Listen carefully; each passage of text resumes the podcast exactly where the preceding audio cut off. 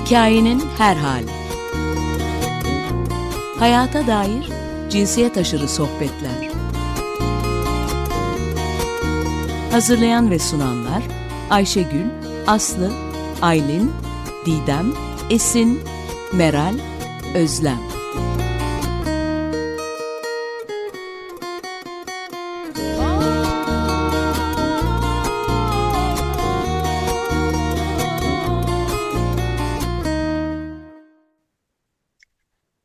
Hikayenin her hali dinleyicilerine merhabalar. Ben Meral.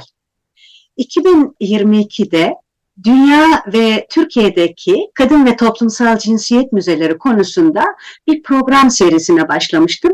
Benim Açık Radyo'daki hikayenin her hali pro, maceramda zaten bu programla başlamıştı. Bu seri güncel konularla ilgili yaptığım programlarda araya girince ancak aralıklı olarak devam edebiliyor. Ama bu seriyi bir bütün olarak dinleme şansı hikayenin her hali kayıt arşivi sayesinde tabii ki bulunuyor. İlgilenen dinleyiciler için kısaca hatırlatıyorum. Dünya Kadın ve Toplumsal Cinsiyet Müzeleri Tarihi program serisinde daha önceden Dünya Kadın ve Toplumsal Cinsiyet Müzeleri tarihinin üç dönemini incelemiştim. Bu dönemlerden ilki arayışın dayanılmaz mutluluğu olarak adlandırdığım 1950 ve 80 arasıydı. Bu bir başlangıç dönemiydi. İkinci dönem çeşitliliğin dayanılmaz mutluluğu olarak tanımladığım 1980 ve 2000 yılları arasıydı. Bunu da gelişme ergenlik dönemi olarak düşünebiliriz. Dünya ve Dünya Kadın ve Toplumsal Cinsiyet Müzeleri tarihinin kutlanacak çok zafer var ama nokta nokta nokta başlığı altında tanımladığım 2000'den günümüzü olan bölümünün 2012 yılına kadar olan öyküsünü de en son 22 Eylül tarihindeki hikayenin hehali saatinde anlatmıştım. Bugünkü programda devam edeceğim 2012 ve 2016 yılları arasındaki gelişmelere bakacağım. Bu programları şimdiye kadar hiç dinleyememiş olan dinleyiciler için küçük bir hatırlatma yapmak istiyorum. Kadın ve toplumsal cinsiyet müzeleri var olan müzelere alternatif olmak için açılan muhalif kurumlardır. Çalışmalarıyla tarihin ve belgelerin yorumunda cinsiyetleri görünür kılıyorlar. Müzelerde bilgi, bilgi paylaşımında nasıl adil olunacağını gösteriyorlar. Özetle var olan müzelerin etik ayıplarını ifşa eden bir ayna rolü oynuyorlar. Son programda 7 Kadın ve Toplumsal Cinsiyet Müzesi'nin açılışı nedeniyle çok bereketli diye adlandırdığım 2012 yılına başladığımı söylemiştim. O programda o müzenin yani 7 müzenin ilki olarak 2012'de yani 11 yıl önce Türkiye'de ilk kadın müzesi olan ve kadın tarihinin kapsayıcı yazılması talebiyle açılan İstanbul Kadın Müzesi'ni tanıtmıştım. Şimdi 2012'de açılmış geriye kalan altı müzeyi birlikte tanıyacağız. 2012'nin ikinci müzesi Güney Kore'de kurulan Savaş ve Kadının İnsan Hakları Müzesi oldu. Müzede Japon ordusunun Kore'yi işgali ve 200 bin Koreli kadına yönelik sistematik tecavüz ve köleleştirme konusunda çalışılıyor. Günümüzdeki savaşlarda kadınlara yönelik sistematik tecavüz ve köleleştirme halen devam ettiği için Seul'de kurulan Savaş ve Kadının İnsan Hakları Müzesi üstünde biraz daha fazla detay vereceğim. Ama önce günümüzdeki savaşları da bir hatırlamak istiyorum. Günümüzdeki savaşlar derken tabii ki sadece Rusya'nın Ukrayna'daki ve 1948'den beri giderek tırmanan İsrail-Filistin savaşını değil, 2021'den itibaren Myanmar'da, 2023'ten itibaren Sudan'da, 2000'li yıllara yayılan Afganistan'da, 1988'den itibaren dinmeyen Somali'deki, Kolombiya'daki iç savaşlarda 2011'den itibaren süren Yemen iç savaşında saymakla bitmiyor. 2000'li yıllardan itibaren Kongo, Uganda'daki çatışmalarda, Irak, Nijerya, Suriye, Mali, Orta Afrika, Mozambik, Tanzanya ve Türkiye'nin tabii ki sınır bölgelerindeki savaşlarda kadınlara yönelik sistematik tecavüz ve köleleştirmeleri de mutlaka bu bağlamda hatırlamamız gerekiyor. 2012'de Seul'de açılan Savaş ve Kadının İnsan Hakları Müzesi, başta da söylediğim gibi İkinci Dünya Savaşı sırasında Japon ordusu tarafından sistematik olarak seks kölesi olarak kullanılan kadınların bilinmek istenmeyen geçmişini göstermek amacıyla kuruldu. Müze genellikle tüm kadın ve toplumsal cinsiyet müzelerinde olduğu gibi gönüllülük bazında çalışan bir sivil toplum kuruluşu. Savaş ve Kadının İnsan Hakları Müzesi sadece tarih sergilemiyor. Aynı zamanda Japon ordusunun uyguladığı cinsel kölelik sorununa adil bir çözüm getirilmesini talep eden çalışmalar da yapıyor. Tüm dünyadaki silahlı çatışmalarda cinsel şiddet konularına dikkat çekiyor. Bunları yaparken de savaşın ve kadına yönelik şiddetin olmadığı bir dünya için aktif dayanışma ağları kuruluyor. Sergiler ve eğitim programları aracılığıyla tarih algısına ve hafızaya dair farkındalık yaratılıyor. Kadının insan hakları ve barış için yürütülen aktivizmi, aktivizmleri belgeliyor. Tüm bunlarla gelecek nesiller için daha iyi bir dünya yaratılmasına çalışıyor. Kadının insan hakları e, Savaş ve Kadının İnsan Hakları Müzesi, ulus ötesi vatandaş dayanışması, genç eğitimi, anma, anma ve arşivleme konularında uluslararası bir platform olmayı da hedefliyor. Türkiye'de bu konuda benzer konuda çalışan birçok gruplar var. Bu müzeyle iletişim kurulmasını eğer program dinleyicilerimiz arasında varsa çok çok e, önemli e, not etmek istiyorum. Çünkü dünyadaki benzer gruplarla dayanışma ve işbirliği içinde olmak, Savaş ve Kadının İnsan Hakları Müzesi'nin önemli hedefleri arasında. 2012'nin üçüncü müzesi Dubai Kadın Müzesi'ne geçmeden önce şimdi Clara Schumann'ın bir bestesini dinliyoruz. Buyurun. Evet, Hikayenin Her Hali programındayız. Ben Meral. Bir Clara Schumann bestesi dinledik. Bugün hepimizin ruhuna iyi gelmesi amacıyla sadece Clara Schumann müziği bize eşlik edecek. Dünya Kadın ve Toplumsal Cinsiyet Müzelerinin tarihine bakmaya devam ediyoruz. Bu tarihin kutlanacak çok zafer var ama nokta nokta nokta başlığı altında tanımladığım 2012 ve 2016 yılları arasında açılan müzelerine bakıyoruz. Evet 2012'ye devam edersek 2012 yılında 7 müze açıldığını söylemiştim. Bu 7 müzeden üçüncüsü ise Dubai Kadın Müzesi. Fiziki bir müze olan Dubai Kadın Müzesi Birleşik Arap Emirliği'ndeki kadınların daha önce anlatılmamış tarihini anlatmak için yola çıkmış. Müze bünyesinde bir de Kadın Çalışmaları Merkezi bulunuyor. Bu merkez Birleşik Arap Emirliği'ndeki ve Arap dünyasının diğer ülkelerinde kadın çalışmalarına ilişkin belgelerden oluşan bir arşiv ve bir araştırma merkezi olarak tasarlanmış. Dubai Kadın Müzesi'nin kurucusu Profesör Rafia Obaid Gubaş. Profesör Gubaş aslında e, sosyal bilimci değil. Doktorasını epi, epidemiyolojik psikiyatri alanında yapmış. Birleşik Arap Emirliği Üniversitesi Tıp Fakültesi Psikiyatri doçenti olarak çalışmış bilim ve teknolojide kadınlar için Arap Bağ, Arap Kadın Bağ Başkanı seçilmiş.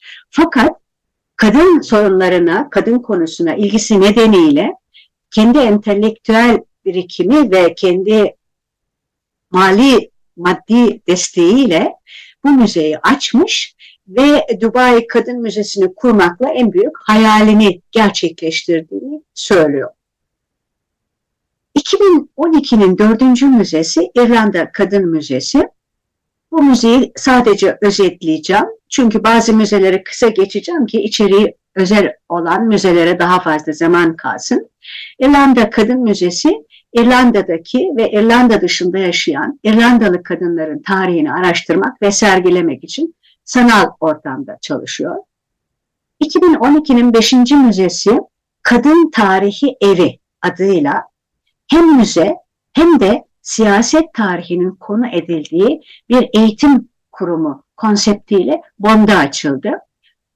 Müze adından da belli olacağı gibi kadın tarihini görünür kılmak için çalışıyor. Müze de aynı zamanda cinsiyet eşitliğine daha fazla duyarlılık oluşması ve daha da önemlisi bu farkındalığın sürdürülebilir olması amacıyla çalışılmakta. Kadın Tarihi Evi'nin sürekli sergisi Almanya'da tarih yazan kadınlar konulu bir çalışmadır. 2012'nin 6. müzesi Amerika Birleşik Devletleri'nde Kadın Direnişi Müzesi adıyla açıldı. Müze, siyah kadınların demokratik toplumun oluşmasına katkılarını araştırmak ve görünür yapmak istiyor. Kadın Direnişi Müzesi New York'ta önce fiziki müze olarak açıldı. Sonra sanal müze olma kararı alındı. Birçok kadın müzesi böyle bir karar alıyor. Çünkü fiziki müzenin yönetilmesi ve getirdiği mali yükler çok büyük oluyor. Fiziki mekanı kapattı kadında direnişi müzesi. Fakat sanal müze olma süreci çok uzun bir süredir devam ediyor. Bu müzenin yeniden açılışını merakla bekliyorum. Çünkü Kadın Direnişi Müzesi'nde Amerika Birleşik Devletleri'nde kölelik döneminde siyah kadınların direnişiyle başlayan ve aynı zamanda içinde bulunduğumuz yüzyılda dünyanın dört bir yanında siyahların eşitlik için yani siyah kadınların eşitlik için yaptıkları mücadelelerden örnekler sergileniyordu ve yeni sergi, yeni açılan müzede bunların daha da genişletilmesi planlanmıştı. Bekliyoruz ne zaman açılmalarını sonunda. Evet, şimdi başka e, bir müzeye geçiyoruz. Yedinci müze, son müze 2012'de kurulan Amasvi Kadın Sesleri Müzesi, Güney Afrika'da kurulan bir müze. Müzenin öyküsü Güney Afrika'daki Hakikat ve Uzlaşma Komisyonu'nun çalışmalarıyla çok yakından ilişkili.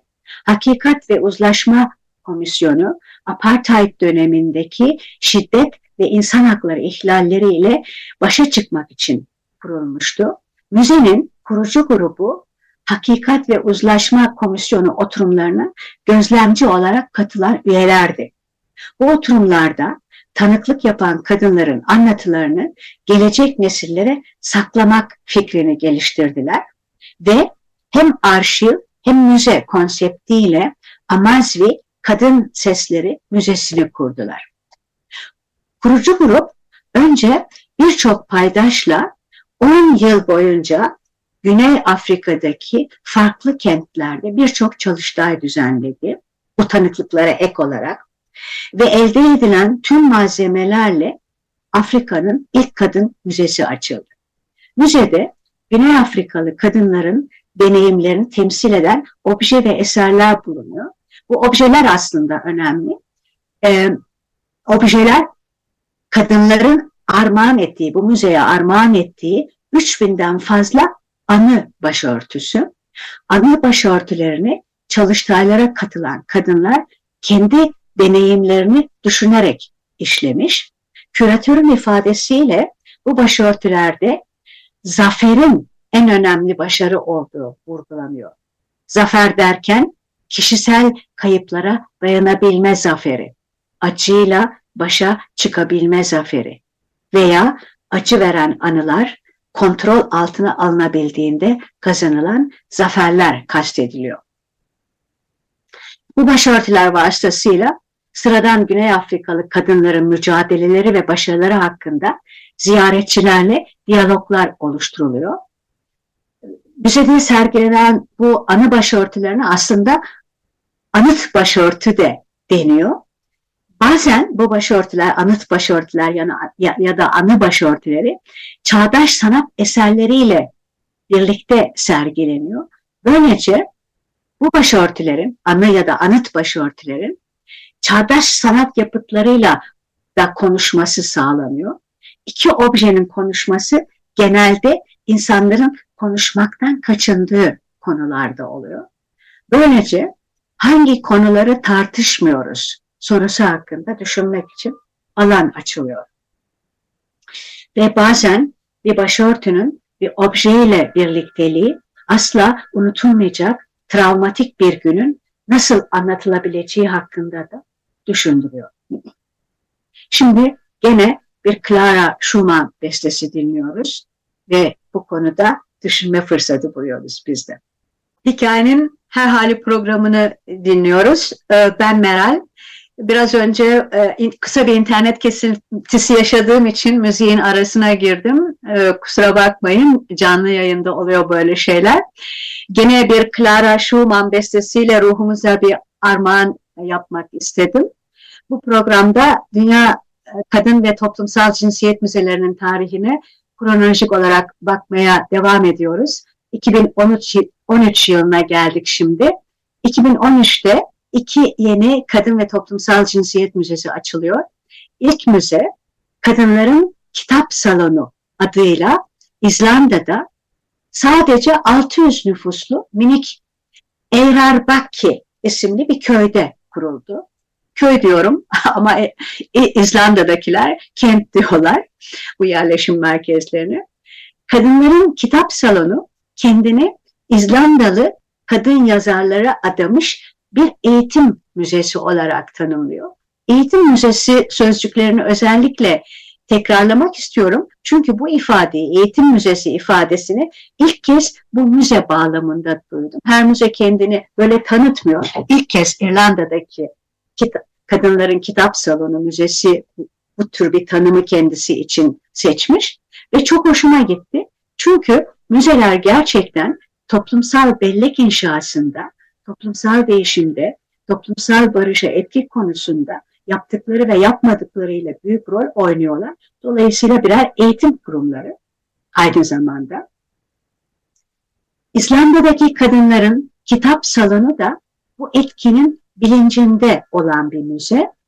İzlandalı kadınların yazılı eserlerini korumak, yazarları ve eserlerini İzlanda ve yurt dışında tanıtmak ve yazarlara ilişkin bibliografik kaynakları, tüm bibliografik kaynakları ve diğer bilgileri hep bir arada biriktirmek ve kamuoyuna sunmak amacıyla çalışıyor. Ve bunları da dediğim gibi 600 nüfuslu minicik bir yerleşim merkezinde yapıyor. Yolunuz İzlanda'ya düşerse eğer Bakki'ye uğramayı ihmal etmeyin. Kadınların kitap salonunu ziyaret edin ve bu salonun masalsı atmosferinin keyfini çıkarın. İkinci, e, pardon 2014 yılına geldik şimdi. E, 2014'te Amerika Birleşik Devletleri'nde Türkiye ve İsveç'te açılan birer müze ile toplamda üç kadın ve toplumsal cinsiyet müzesi açıldı. Amerika Birleşik Devletleri'nde Kuzey e, Carolina'da Asheville Kadın Müzesi kuruldu. Müze şimdiki ve gelecek nesillere ilham vermek için dünyadaki kadınların ve genç kızların yaşam deneyimlerini paylaşmayı amaçlıyordu. Müzenin kurucu ekibinin anne kız olmaları ise benim özellikle çok hoşuma gitmişti. Fakat bu güzel konseptli müze ne yazık ki sürekliliğini sağlayamadı ve kısa bir süre sonra çalışmalarını durdurdu. Çalışmalarını durduran kadın müzelerinden sadece birine örnek olarak bunu burada hatırlamak istedim. 2014'ün ikinci müzesi İzmir Kadın Müzesi oldu. Müze, kadın müzeleri tarihinde ender olarak bir belediye tarafından, Konak Belediyesi tarafından kuruldu. Kadın ve toplumsal cinsiyet müzeleri genellikle kadın grupları tarafından kurulan sivil toplum kuruluşlarının yönettiği, ortaya çıkardığı, konseptlerini hazırladığı kurumlardır. Konak Belediyesi konakta eski bir Rum evini restore ederek müze için tahsis etti. Müzede klasik e, Türkiye'deki ulusal anlayışla Türkiye kadın tarihi sergileniyor. Türkiye'nin ikinci kadın müzesi oldu İzmir Kadın Müzesi. Bir belediye kurumu olduğu için kaçınılmaz olarak ne yazık ki bir resmi devlet dairesi anlayışıyla e, yürütülüyor. E, ama tabii ki e, gelişeceğini, konseptinin daha e, açılır, açık kapsayıcı bir hale geleceğini umuyorum, umuyoruz. 2014'ün üçüncü ve son müzesi İsveç'te Umeå kentinde Kadın Tarihi Müzesi adıyla İsveç'in ilk kadın müzesi olarak açıldı. Kontrast olarak İzmir Kadın Müzesi ile bir arada olmaları e, çok ilgi çekici olacak. Çünkü e, İsveç'te Umeå kentinde açılan müzede belediye tarafından, Umeå Belediyesi tarafından açıldı. Ama bu müze kendine çalışma alanı olarak feminist bakış açısıyla toplumsal cinsiyet ve güç konularını incelemeyi seçti. Müze kadınların anlatılarını merkezine koyuyor ve kadın sözcüğü ile kendini kadın olarak tanımlayan kişileri anladığını özellikle vurguluyor. Ve vurguladıkları başka bir şey de müzemizin adı kadın müzesi olsa da bu ad erkek cinsiyet normlarını, transseksüel konularını veya ikili cinsiyet anlayışını tartışmaya açan sergiler yapılmasını engellemez diye özellikle belirtiliyor. Kadınların dışladığı tarih anlatısını değiştirecek olan çalışmalar yapılıyor. Umea'daki İsveç Kadın Tarihi Müzesi'nde ve e, yaptıkları çalışmalar öylesine etkileyici olmuş ki Umea kentinde birdenbire bunlar açıldıktan sonra kadın tarihine olan ilgi artmış. Tabii ki bu da kar, çalışmalarının karşılığını gördükleri anlamına geliyor ki darısı her kadın ve toplumsal cinsiyet müzesinin başına diyelim ve e, 2015 yılına bakalım.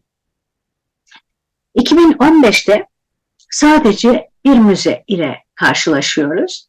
Bu müze gene Türkiye'den. Türkiye'de açıldı. Antalya Kadın Müzesi. Bu müzenin de danışmanlığı ve küratörlüğü bir erkek tarafından yürütülüyor. Ee, bir erkek profesör tarafından yürütülüyor. Müze sanal ortamda çalışıyor. Antalya yöresini konu eden sanal ve fiziki etnolojik sergiler yapılıyor. Antalya Kadın Müzesi İstanbul, İzmir müzelerinden sonra Türkiye'nin üçüncü kadın müzesi. Türkiye'de kadın müzelerinin sayısının artması tabii ki çok sevindirici bir gelişme. Ama küratörün erkek olması aynı derecede sevindirici değil. Kadın müzeleri konusunda çalışan, düşünen bir kişi olarak e, bunu belirtmek istiyorum. Bir kadın müzesinin küratörünün erkek olmasına Dünya Kadın Müzeleri tarihinde bir de Sudan'da rastlamıştım. Şimdi gene Clara Schumann'ın bir bestesini dinlemenin tam zamanı bu konuda düşünmek için. Hikayenin her hali programını dinliyoruz. Ben Meral. Evet gene Clara Schumann bestesi ile devam ettik. Bugünkü programda aramızda sadece Clara Schumann olsun istedim. Çünkü e, Dünya Kadın ve Toplumsal Cinsiyet Müzelerinin tarihine bakıyoruz. E, Clara Schumann e, bize programımıza çok yakışıyor. 2015 yılına geldik. 2015'te sadece tek bir müze kuruluyor. Bu müze Çin Kadın ve Çocuk Müzesi adı verilen ve devlet tarafından işletilen ilk Çin Kadın Müzesi. Daha önce Çin'de bir müze kurulmuştu ama bunu kadın araştırmaları bölümünde çalışan bir profesör kadın kurmuştu. Ee, bu müze Çin Kadın ve Çocuk Müzesi aslında e, kadın ve toplumsal cinsiyet e, konularını e, araştıran, inceleyen, tartışan bu müzeye karşı alternatif bir kurum olarak kuruldu, rakip bir kurum olarak kuruldu. Dolayısıyla müzenin adı da Çin Kadın ve Çocuk Müzesi olarak e, saptandı. Müzede Çin devletinin Çinli kadınları ve çocukları nasıl başarıyla desteklediği anlatılıyor. Müze müthiş bir büyük binada kurulmuş 35 bin metrekarelik bir alan kapsıyor. Çok büyük bir müze binası inşa edilmiş. Ben müzenin içeriğini anlatmayacağım. Sadece müze yönetiminin bina tasarımını paylaşmak istiyorum. Paylaşırken müzenin nasıl çalıştığını, kapsamını da anlayacağız. Alıntı başı, müze binasının kavisli tavanı, kadınsı nezaketi ve çekiciliği simgeliyor. İçeride bulunan devasa oval kaleidoskop gençliğin masumiyetini ve canlılığını simgeliyor. Diğer bir kaleidoskop ise kadınların çocuksu coşkusunun teşviki anlamına geliyor. Alıntı sonu. Gençliğin masumiyeti ifadesiyle iyi geçinebiliriz ama kadınların çocuksu coşkusunun teşviki sözcükleriyle ne yapabiliriz acaba? Neyse gene de bu müzede teselli edici bir özellik bulmak mümkün. Çünkü müze minimum enerji tüketimiyle çalıştığını büyük harflerle not ediyor sitesinde. Dolayısıyla en azından enerji tüketimi enerji tüketimi kadınların çocuksu coşkusunun teşviki ne e, sağlamak için kullanılmıyor. Evet, 2016 yılına geldik. 2016'da Mersin, Tayvan ve Atina'da birer müze kuruluyor. 2016'nın ilk müzesi Mersin Kadın ve Göç Müzesi. Ee, özetle geçeceğim bu müzeyi çünkü Mersin Kadın ve Göç Müzesi ismi çok heyecan verici, sanal bir müze. Fakat içeriği ve çalışmalarıyla isminin içeriğini ne yazık ki dolduramıyor. 2016'nın ikinci müzesi Tayvan'da Barış ve İnsanın Kadın Hakları Müzesi adıyla açıldı. Müzenin kuruluşuna Taipei Kadın Destekleme Vakfı öncülük etti. Bu vakıf çok önemli bir vakıf. 1992 yılından itibaren Japon ordusunun Tayvan'ı işgali sırasında Tayvanlı kadınlara yönelik sistematik tecavüz ve köleleştirme konusunda çalışıyordu. Müzede Japon ordusu tarafından cinsel şiddete uğramış kadınlara dair video, kitap gibi 5000'i aşkın bilgi, yüzlerce sözlü tarih belgesi ve birçok obje bulunuyor ve müze 12 yıllık çok yoğun bir hazırlık sürecinden sonra açılmıştı. Müze kadınları acılarını aşıp yaşamaya yani İkinci Dünya Savaşı sırasında yaşadıkları trajediyi dirence dönüştürmeye çalışmalarıyla teşvik ediyor. Aslında hiçbir zaman ruh iyileşmesi şansı bulamayan tüm kadınları destekliyor çalışmalarıyla. Ya da daha da önemlisi benim için sırrını mezara götürenleri anıyor, unutturmuyor. Bugünkü programı 2016 yılında Atina'da kurulan 3. ve son 3. E, ve son Kadın ve Toplumsal Cinsiyet Müzesi örneği ile kapatacağım. Müzenin adı Atina Queer Sanat Müzesi. Müze yaşama tutunma yöntemleri geliştirme konusunda düşünüyor ve müze olmanın queer insanlar için ne anlama geldiğine yanıt arıyor. Bu e, yanıt arıyor konusunda e, hemen örnek vermek istiyorum. Çünkü sordukları sorular çok önemli. Bu sorularla zaten programı da kapatacağım. Sorular şöyle. Queer insanlar olarak nasıl ve neden topluluk temelli sanatsal alanları işgal ediyor veya bu alanları yaratıyoruz? Müze çalışması için çok önemli bir soru. Diğer bir soru, müze adını benimsediğimizde ne tür performans güçleri ve dinamikler harekete geçiyor? Müze yapanların her zaman düşündüğü bir soru ama queer insanlar bağlamında çok daha önemli. Atina Queer Sanat Müzesi bir müze mi yoksa bir sosyal merkez midir? Da çok önemli bir soru. Tüm kadın ve toplumsal cinsiyet müzeleri için geçerli. Diğer bir soru, sanatı, aktivizmi ve politikayı harmanlamanın alternatif yollarını nasıl hayat, hayal edebiliriz? Açılışından, kuruluşlarından beri yani 1980'lerden beri tüm kadın ve toplumsal cinsiyet müzelerinin de üstünde her an düşünmeleri gereken bir konu.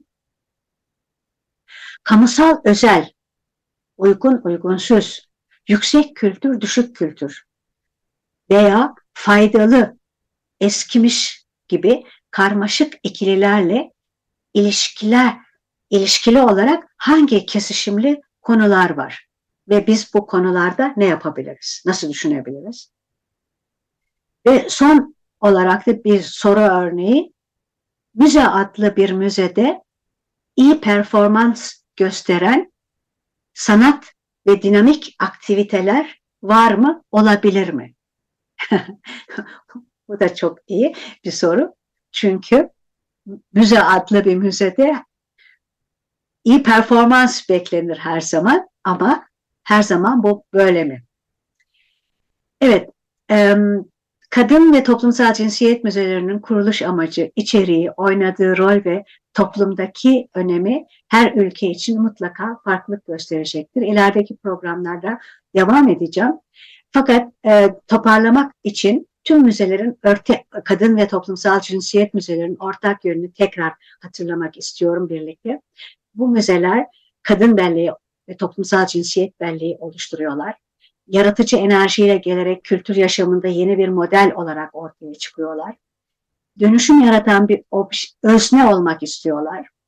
Kadının ve toplumsal cinsiyetleri müzedeki görünürlüğünü somut olarak başlatıyorlar ve geleneksel müzelerde kaçınılmaz olarak dönüşüme yol açıyorlar.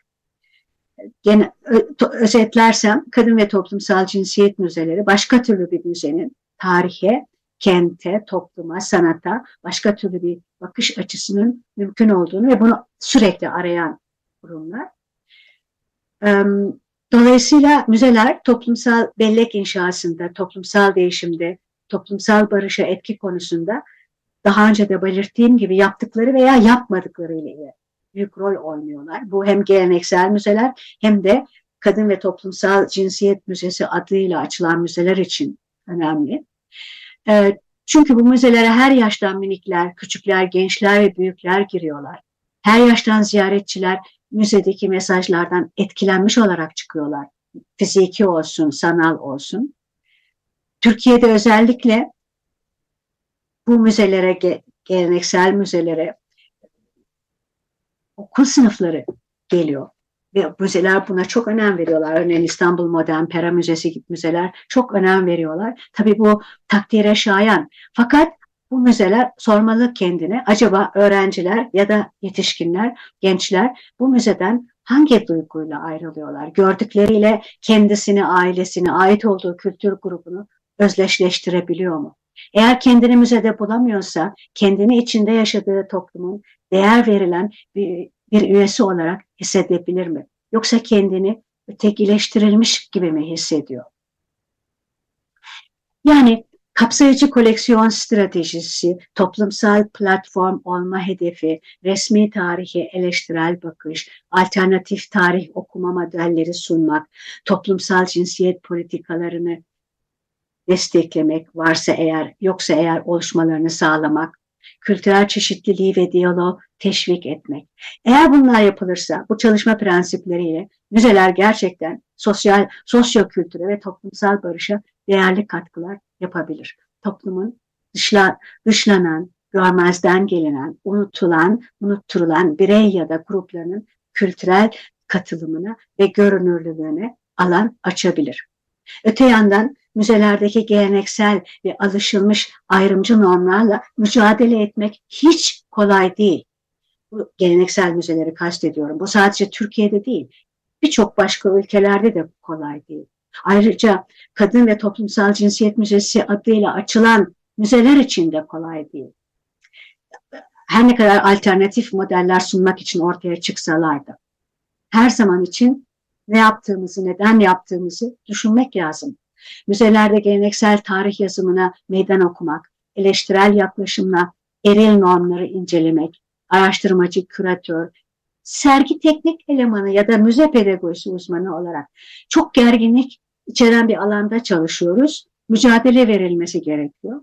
Önce kendi dünya görüşümüzle, sonra da kurumumuzla. Eğer geleneksel bir müzede çalışıyorsak, eğer kadın müzesi, toplumsal cinsiyet müzesi adıyla açıldıysa kendi dünya görüşümüzle her zaman için mücadele etmemiz lazım. Çünkü unutabiliyoruz bunları.